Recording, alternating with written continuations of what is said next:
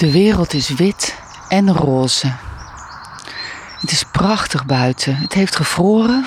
Dat voel ik ook. Ik heb het koud. Ik heb alleen een truitje aan. Omdat ik snel naar buiten wilde, heb ik niet eens eventjes eh, de tijd genomen om een eh, jas aan te trekken. Maar het is echt schitterend.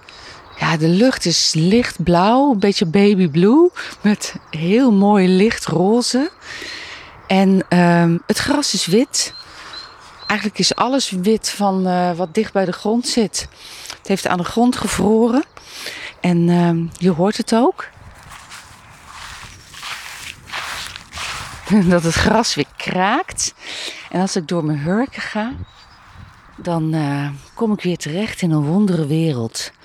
Het gras heeft weer een witte vacht. Al die kleine witte ijshaartjes die bevroren zijn. En daardoorheen um, zie je nog wel dat het gras groen is. Maar dus met een witte laag, een wit dun vachtje ijs. En aan het puntje van elk grassprietje zit een klein druppeltje. Een bevroren druppeltje. Bij sommige sprietjes is het druppeltje omlaag uh, gezakt en zit het halverwege. Maar bij de meeste zit het dus aan het puntje van het grasprietje. Dit is echt fantastisch. Dus ik zit hier op mijn hurken in het gras. En elk grasprietje heeft dus een vacht en een transparant druppeltje aan het eind.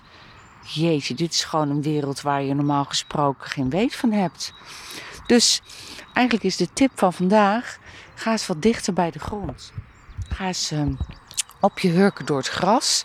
Maar misschien is ergens anders op je hurken zitten ook wel interessant.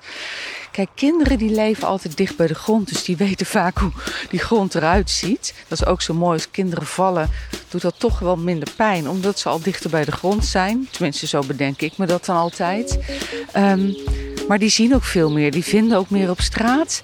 Dus um, nou, vandaag gewoon eens wat meer door, je, door je knieën op de grond. Kijken.